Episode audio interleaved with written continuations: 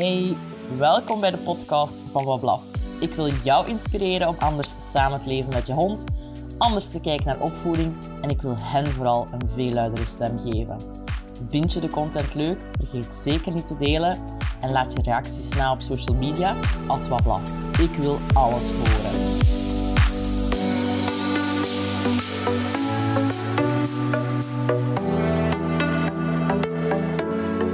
Hey, welkom bij Bewuste Hondenmoeders. Weer een aflevering met iemand uit hondenland. Ik ben super blij dat ik terug een hondenprofessional aan de haak heb geslagen. En deze keer niemand minder dan Kathleen Celleslag. We gaan het hebben over dieren in de hulpverlening. Kathleen, welkom in de podcast. Hey, dag Annelies, hallo. Hey. Vertel eens, Kathleen, voor onze luisteraars, wie ben je, wat doe je? Ja, ik ben dus Kathleen Celleslag, ondertussen 42 lentes jong en al um, geruime tijd actief in uh, hondenland. Het is ooit begonnen via een opleiding tot hondengedragdeskundige, omdat we zelf twee honden hadden waar we toch wel een aantal issues mee hadden. Zoals en, veel mensen, hè, die zo starten. Mensen. Um, ja, en zo, zo, ja, zo ben ik er dus zelf ook uh, professioneel in beland. Ik uh, ben 13 jaar geleden gestart als instructeur blinde geleide honden. Ik heb um, heel wat jaren gewerkt voor een Nederlandse geleide hondenschool. En sinds twee jaar werk ik voor het Belgisch Centrum voor Geleide Honden in Tongeren. Uh-huh. En daarnaast um, ben ik ook docent uh, en, en ja, uitbater van het opleidingscentrum Kinocoach voor opleidingen voor ja, honden, um, hondenprofessionals, dus toekomstige hondenprofessionals. En daarin ja, verzorg ik zelf de lessen rond hondengedrag. Alright. Dus ja, helemaal, helemaal hond van A En een mooi palmarès ook, hè? en toch al wel wat jaren bezig, ja. ja. En eigenlijk, ja, ik, ik, ik heb dus heel lang zelf geleidehonden getraind. Um, dat is best een fysiek uitdagende job, want wij werken voornamelijk met Labradors, Golden Retrievers. En dat zijn uh, wel eens enthousiaste springindvelden. Ja. En dat is niet zo interessant als je een beetje een slechte rug hebt. dus um, ja, ik, ik moet helaas, of ik heb dat helaas moeten stoppen omwille van eh, ja, fysiek, dat het toch wel te zwaar was. Ja. Maar ik kan vandaag gelukkig nog altijd mijn kennis op dat vlak uh, doorgeven aan andere mensen. Want uh, binnen het Belgisch Centrum voor Geleidehonden mag ik andere trainers opleiding geven. Oh ja, tof, en dat is echt ontzettend fijn om te doen. En daarnaast ben ik uh, daar verantwoordelijk voor kwaliteit en het welzijn van de honden binnen het hele hondenproces. En dat is natuurlijk na al die jaren ook echt wel mijn ding. Ja, dat is ervoor zorgen dat die, uh, ja, dat die honden enerzijds goed werk afleveren, maar anderzijds dat die zelf ook goed in hun vel zitten. En dat vind ik een superbelangrijke combinatie. Ja, en daar wou ik natuurlijk graag vandaag verder met je over hebben. Ja, want het is, het is inderdaad wel... Uh, veel mensen zien natuurlijk uh, de geleide honden of de, de honden in de hulpverlening aan het werk. En ik heb bijna het gevoel soms, Kathleen, dat dat een beetje geromanti geromantiseerd of geromantiseerd wordt. Ja. Ze gaan kijken, jong, wat, wat dat die honden kunnen ja. en mijn hond moet dat ook kunnen. Maar daar staat toch iets tegenover ook, hè? Ja, en we vragen best veel. Hè, van, zeker als, als ik nu even voor mijn eigen vakgebied, de geleidehonden. Um, we vragen eigenlijk van die honden... Je moet ongeveer alles kunnen negeren wat je tegenkomt op straat. Zowel honden als dat daar plots een kat zou zitten, als, als mensen, als ja, alles wat er op de grond zit uh, of ligt. Hè. Negeert dat maar. Volg dan nog eens heel goed de, de commando's op van je baasje. Als die vraagt om naar links te gaan, als die vraagt om een zebrapad te zoeken, dan moet ja. je dat ook doen. Ja, je moet dat eigenlijk in ongeveer alle contexten kunnen. Hè. Zo denkt even aan uh, Brussel-Noord, uh, Antwerpen Centraal. Goh, um, ja. Zo, hè, zo goed veel prikkels. Um, natuurlijk, hè, ons, onze cliënten maken vaak gebruik van het openbaar vervoer. Nogal logisch, hè. ze kunnen zelf niet mm -hmm. met een auto rijden. Maar dat zijn toch allemaal contexten die best druk zijn. En dus we vragen al best veel uh, van die honden. En dan vragen we op de koop toe ook nog eens. Zeg, maar als, die, als dat baasje u eigenlijk een commando geeft dat niet veilig is, dan mogen je dat niet opvolgen. Dan ja. moet je zelf ook nog beslissen dat je niet gaat doen. Hè, als die nu zegt om naar links te gaan, maar er is een, een wegopbreking of daar, hè, de, de, de trottoir ligt daar open, dan moet je dat niet doen. Dan moet je gewoon zeggen, nee, dat gaat niet. We gaan naar rechts. Ja. Dus we vragen eigenlijk heel veel hè, van, van die honden. Dus ja, die moeten echt wel bijna een soort van ja, superhond zijn. En dan weten we ook al gewoon, dat is gewoon niet voor elke hond weggelegd. Dus hè, wat je hier net zei, van ja, hè, mensen zien dat en denken van, oh, dat zou mijn hond toch ook wel moeten kunnen. Of zie eens. Maar daar gaat bij ons natuurlijk een heel selectieproces aan vooraf.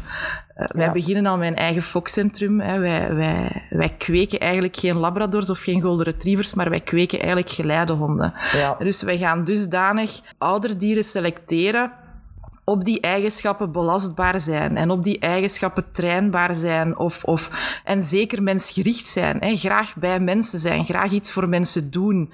Hè, dat is waarop dat wij selecteren. Naast natuurlijk nog eens het stukje gezondheid, want daar heb ik het nog niet over gehad, maar ze moeten natuurlijk ook nog gewoon tip-top gezond zijn. Hè. Dus um, dat is allemaal al niet zo evident in welke honden dat, dat ook echt aankunnen hè, en, en dat daarvoor geschikt zijn. En daar ligt ook een stuk mijn job natuurlijk, dat is gaan beslissen van oké, deze hond die gaat die job graag en goed doen. En die hond, die is daar eigenlijk niet voor in de wieg gelegd. Die gaan we dat niet laten doen. En dan is dat niet omdat hij daar te dom voor is, hè, want daar heeft het echt niks mee te maken.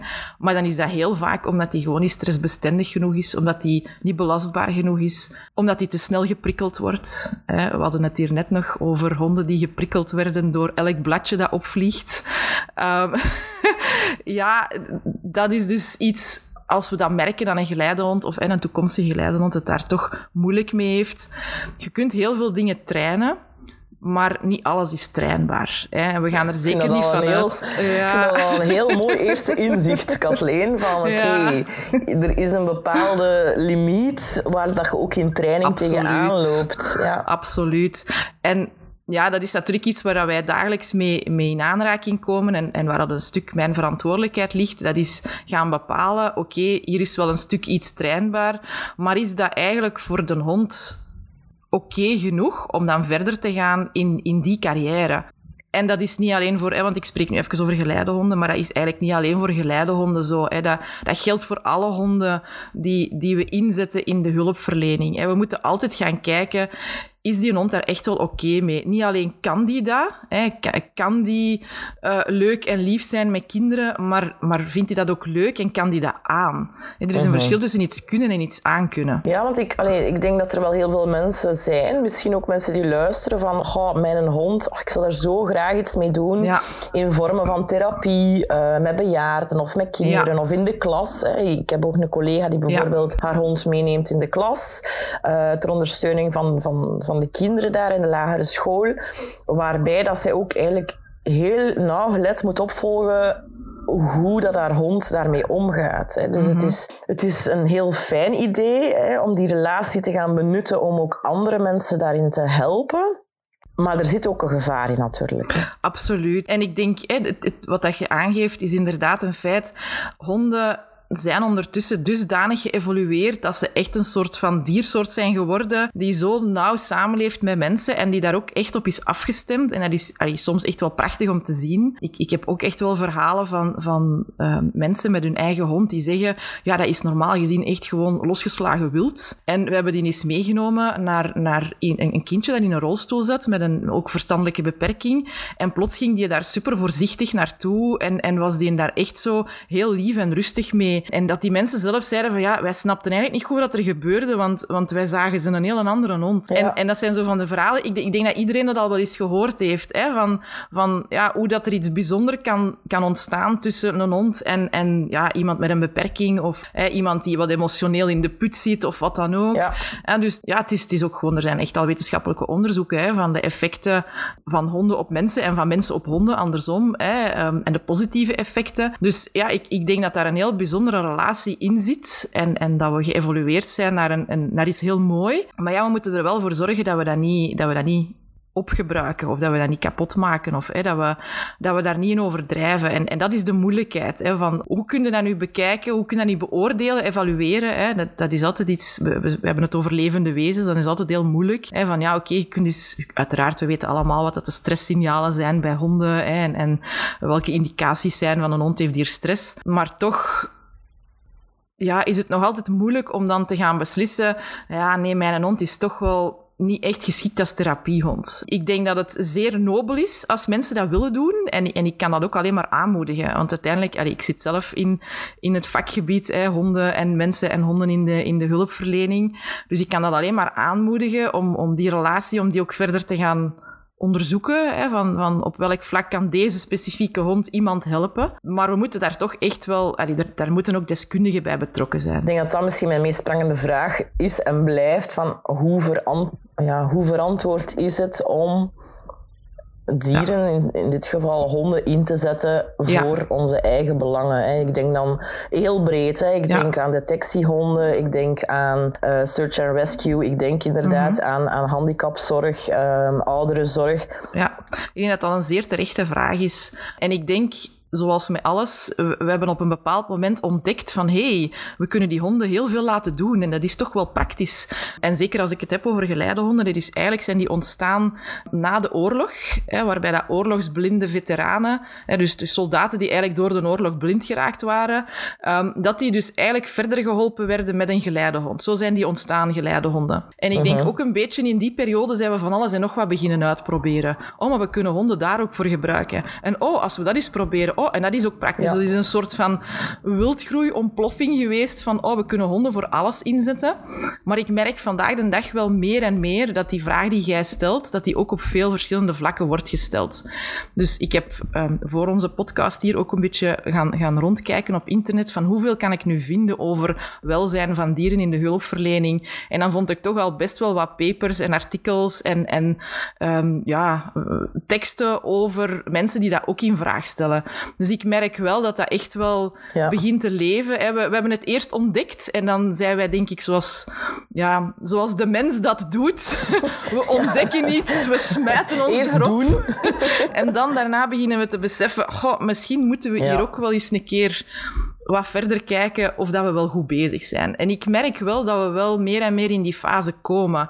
zijn we wel goed bezig met al die honden in de hulpverlening? Dus ja, daar wordt wel degelijk aandacht aan besteed. Maar ik denk dat het niet verkeerd is om dat vandaag zeker nog eens in de verf te zetten. Hè. dat mag altijd nog meer. Hè. Er mag altijd nog meer aandacht besteed worden aan welzijn van honden. Dat is denk ik in alle vlakken is dat zo. Dus um, ja, ik denk we kunnen daar zeker nog meer uh, op letten.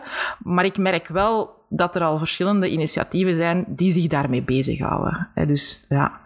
Misschien heb je de vraag al beantwoord, Kathleen, door, door de uitleg die je al gegeven hebt. Maar uh, stel, er zijn mensen die zoiets hebben van ja, ik wil mijn hond eigenlijk gaan inzetten. En je, je zei eigenlijk al, ja, we selecteren heel gericht. Daar kijken heel wat deskundige ogen naar. Of dat die, die hond daar zelf ook effectief genot van heeft. Dat hij daar bepaalde kenmerken voor heeft. Um, stel, ik heb een hond, ik wil die graag inzetten in de hulpverlening ja, hoe gaat dat dan in zijn werk? Is dat überhaupt mogelijk? Ja, dat hangt er natuurlijk vanaf um, wat dat je precies wil gaan doen met die hond. Stel dat jij zegt van, ik heb een hond en mijn dochter is blind en ik zou graag mijn eigen hond als blindengeleide hond opleiden voor mijn dochter. Dan zou ik dat al ten zeerste afraden.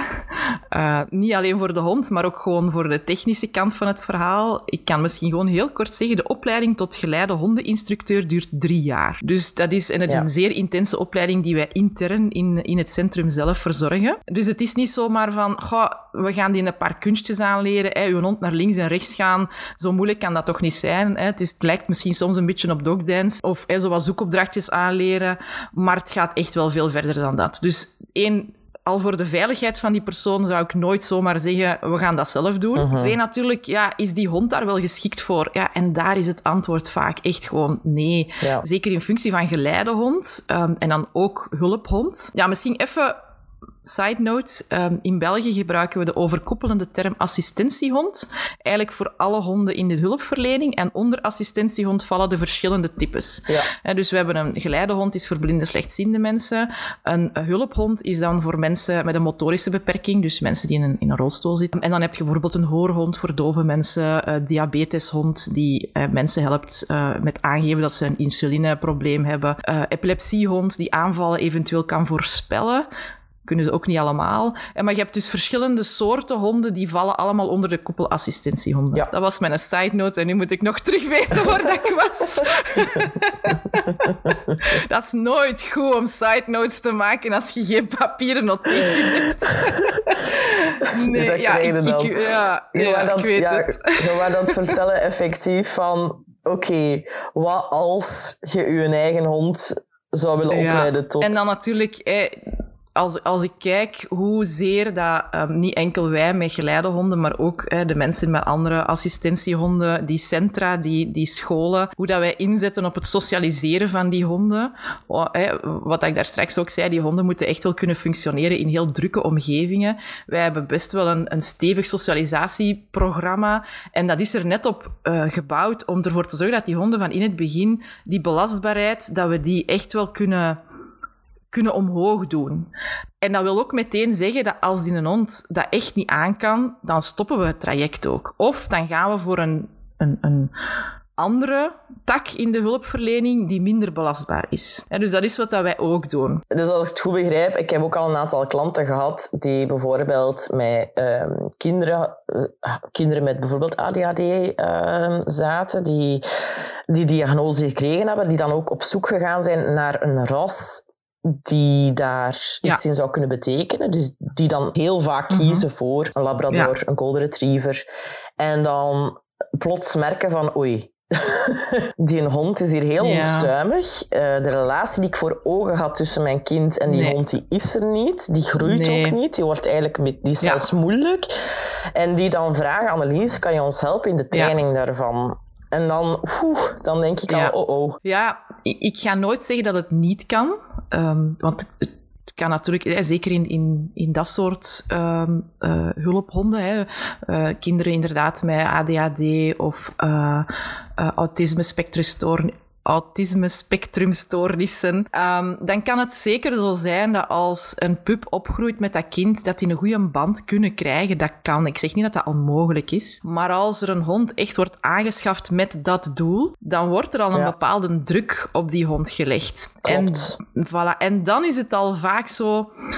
Als er dan geen deskundige kan meekijken hoe dat die hond met die druk om kan en of dat, dat wel oké is, ja, dan kom je al soms inderdaad in, in die, ja, die lastigere situaties dat die hond daar eigenlijk toch ook wel best wat problemen mee heeft. En dat dat misschien wel Ja. met wat goed management eh, kan, kan gehandeld worden en dat die wel gewoon kunnen samenleven, maar dat dat niet de droomrelatie is waar dat die ouders op gehoopt hadden tussen hond en kind. Mhm. Dat is ook een beetje de reden als wij ehm, vanuit Centra zelf hulphonden opleiden, dan ehm, groeien die op bij een pleeggezin. En die hebben daar een heel socialisatieprogramma mee en die, die trainen allerlei vaardigheden. Maar dat wil ook zeggen dat dat pleeggezin ja, die, die toch wel uitdagende puberteit voor zijn rekening neemt. Die honden Ja. die komen op het centrum na die eerste golf van puberteit, waar wij de pleeggezinnen natuurlijk ook in begeleiden. Ehm, dus vanuit het centrum krijgen die mensen ook professionele begeleiding om daar dan mee om te gaan enzovoort. Maar die honden die komen pas in het echte opleidingstraject als die eh, zeker minimum 15 maanden oud zijn. Dus dan hebben die, wij hebben die dan al gescreend op bepaalde belastbaarheid, op, op wat kunnen die van stress aan, Eh, voor welke job zouden die geschikt kunnen zijn. En dan gaan we verder kijken, oké, hoe gaan we ze nu verder opleiden? Gaan dat geleidehonden worden? Of zien we van, ja, dat zo zelf beslissingen nemen, dat zit eigenlijk niet in die hond. Die hond is super mensgericht, maar zo dat stukje van, nee, nee, we gaan dat niet doen, dat gaat die hond, dat is, dat is te moeilijk. Dan gaan we kijken van, oké, kunnen we kunnen we voor deze hond misschien een ander traject aangaan? Hè? Kunnen we die hulphond maken? Of kunnen we die um, inderdaad ergens anders in de hulpverlening inzetten? En daarvoor werken wij vanuit BCG samen met andere centra. Dus het kan effectief zijn als wij zeggen deze hond kan geen geleidehond worden, dat die alsnog ergens anders in de hulpverlening kan ingezet worden. Ja. Meestal betekent dat concreet dat die honden klaar zijn om geplaatst te worden als die twee jaar oud zijn. Dus dat wil zeggen, die hebben een heel voortraject gehad. En tegen dan hebben wij een heel goed beeld. Wat kan die een hond aan? Wat kan die een hond niet aan? En in welke omgeving gaat die hond zich het best kunnen laten zien, omdat hem zich daar ook het best in gaat voelen. En op basis daarvan gaan wij die hond plaatsen. En dat is natuurlijk een heel ander verhaal dan mensen die zelf een puppy kopen met de volle verwachting dat die doorheen heel dat traject Ja. glansrijk gaat slagen en dat het dan een droomrelatie gaat worden tussen ja, hun kind met een bepaalde beperking en die hond. En dat is gewoon een heel ander verhaal. En, en daar neem je gewoon veel grotere risico's. Want wat als die hond dat niet aan kan? Ga je die dan herplaatsen? Mhm. Ga je dan een nieuwe puppy nemen? Ga je dan opnieuw beginnen? Da- ja, daar wordt het gewoon veel moeilijker. Er zijn bepaalde initiatieven waar wel de eigen huishond kan opgeleid worden tot een soort hond in de hulpverlening. Maar dan hebben we het heel vaak al over volwassen honden. Ehm, er is bijvoorbeeld zo'n initiatief, dat is eh PAUS. Dat is voor eh, kinderen met autisme. Waarbij dat dan effectief de volwassen hond bepaalde dingen kan aangeleerd worden. Maar eigenlijk is daar al, al een, een, een soort basis waar het al goed zit. Hè? Ja. Ehm, er is ook een initiatief voor buddyhonden met, eh, voor mensen met PTSS, posttraumatisch stresssyndroom. Waarbij ook dan de volwassen hond bepaalde skills nog wordt aangeleerd. Die dan meer kunnen helpen richting hè, wat die persoon nodig heeft. Ehm, maar ook daar weer, je vertrekt van een stabiele huishond. En een volwassen stabiele huishond. Ja. En dat is... Ik hoor heel mooie dingen allemaal. Ik hoor, oké, geleide honden kunnen ook echt zwaar puberen. Stabiliteit, of, of mentale, emotionele stabiliteit, dat begint toch echt rond die twee jaar echt te stabiliseren. Ik, allee, het, het, is, het is ook fijn om te horen dat die honden ook even normaal mogen zijn en dat het, dat het vooral ook draait rond de Ja. verwachtingen die we voor hen hebben, Ja. van, hem, van hen hebben, sorry. Ehm, ja. Ja, en die verwachtingen, dat is het, denk ik. Hè. Ehm, En, en dat, is, dat is het gevaar als mensen zich komen aanmelden bij een erkend centrum voor eh, bepaalde assistentiehonden. Dan kan het ook zijn dat zij op bepaalde vlakken misschien een nee krijgen. En dan is het gevaar dat mensen toch zelf beginnen verder zoeken, omdat ja, mensen niet graag nee horen. En ook vooral omdat ze ja, iemand willen helpen. Heel vaak is dat een kind. En die natuurlijk gelezen hebben van ja, die honden die kunnen fantastische dingen. En dat kunnen ze ook. Maar dat is ook weer niet voor iedereen. Hè. Ehm, Wij zeggen altijd, ja, onze honden zijn een hulpmiddel, maar... En dat klinkt een beetje... Ik ga niet heel technisch, maar op, ehm, op de refertelijst van het Vlaams Agentschap voor Personen met een Handicap kunnen zo heel veel dingen aanvinken. Ik heb een tasstok nodig, ik heb een leesloop nodig, ik heb een geleidehond nodig. En dus dat staat eigenlijk allemaal onder Ja. zo de technische hulpmiddelen, objecten. Maar het is niet omdat je dat aanvinkt, dat je ook een hondenmens bent. En natuurlijk vanuit de centra, wij gaan ook altijd kijken... ehm, het moet ook echt wel passen. Je moet ook echt hondenmens genoeg zijn. En als je niet hondenmens genoeg bent, dan gaan wij u jammer, hoe jammer dat dat ook is, maar dan krijg je van ons geen hulphond, geen geleidehond, geen assistentiehond. En dat is één factor, maar er zijn zoveel verschillende factoren die wij meenemen in onze afweging. Kan iemand een assistentiehond krijgen, ja of nee? Het is niet dat je daar, omdat er een beperking is, Nee. van nature Nee. recht op hebt. En Ja. ook dat wil ik benadrukken. Het, ja, het is een hulpmiddel. Officieel volgens de wet is het een hulpmiddel. Maar het is en blijft nog altijd een levend wezen. En, je- en je moet daar ook nog altijd bepaalde vaardigheden voor hebben. Bepaalde, en dat hangt dan weer af van welke, welk type assistentiehond. Maar er is, er is een minimum vereiste aan bepaalde vaardigheden om met dat soort hond te kunnen aan de slag gaan. En, en ik zeg het, die vaardigheden zijn velerlei. Of met welke hond dan ook. Hè? Ja, ik wou het juist zeggen, met welke Ja, hond voilà. dan ook. En, en mensen zijn niet altijd even gemakkelijk in het, of, of hè, aanvaarden niet altijd even makkelijk het woord nee. Ehm, ook al proberen dat te omkaderen. En dan is het natuurlijk, ja, wat dat, wat dat er soms ook echt wel gebeurt bij, bij fokkers. Hè. Je hebt goede fokkers van doorsnee reguliere puppies, ehm, die een hele vragenlijst sturen naar pupkopers en die op basis van die vragenlijst zeggen, goh, ik denk niet dat, dat ik ga u niet geen puppy geven. Ja, twee weken daarna zie je die mensen op hun social media met een puppy staan. Dan weten wij ook waar ze die vandaan gehaald hebben. Ja. Eigenlijk dat stukje, dat speelt zich ook af in, in hulphondenland. En je hebt ook mensen die dan toch zelf beginnen verder zoeken, ehm, zelf initiatieven beginnen doen, naar bepaalde commerciële instellingen gaan en daar gewoon een hond gaan kopen, waar veel minder belang gehecht wordt aan dat hele traject, aan inderdaad die, die vereisten om hè, met zo'n hond aan de slag te kunnen, mogen enzovoort. En ja, dat, dat vind ik zelf ook een belangrijke.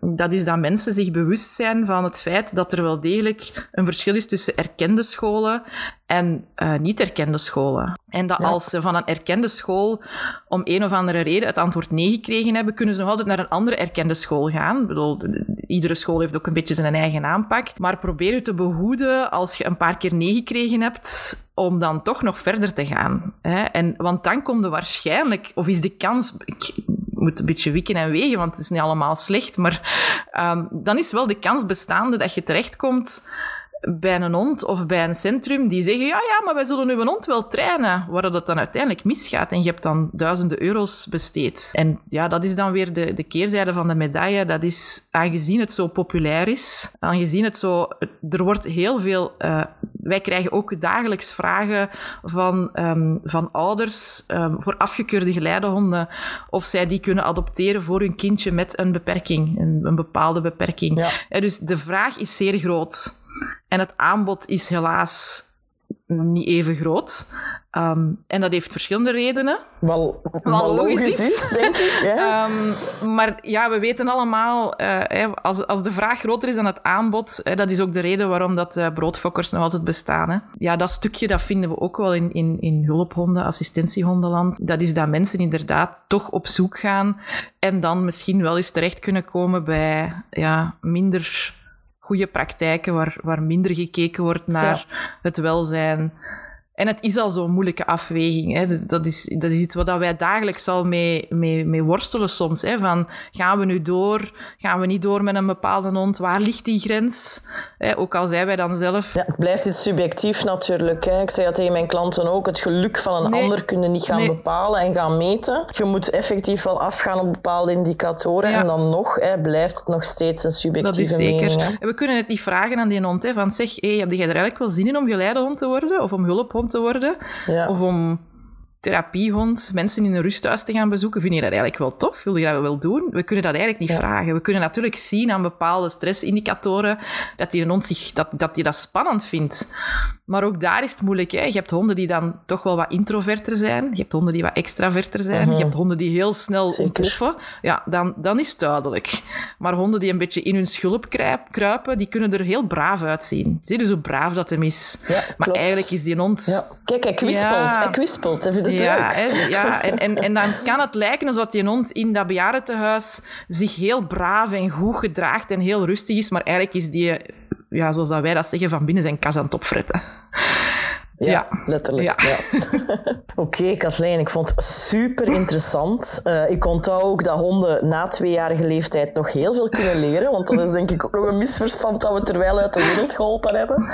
Ik denk dat het echt wel wat inzicht gegeven heeft aan de mensen die, die misschien op het punt stonden om op die manier een hond in hun leven te halen of zelf interesse hadden om ja, een hond zelf mhm. in te zetten. Ik wens u vooral nog heel veel succes met wat je wilt doen, uh, met wat je aan het doen bent, met Kinocoach en um, ja, misschien tot een volgende. Ja, super bedankt uh, om, uh, om dit onderwerp ter sprake te brengen. En ja, ik vond het ontzettend leuk. En ik hoop dat de luisteraars er iets aan gaan hebben. Sowieso. Merci, Kathleen. Salutjes. Dada. Bedankt om te luisteren. Nu nog iets meer naar onze honden en dan zijn we op weg naar een betere wereld. Salut!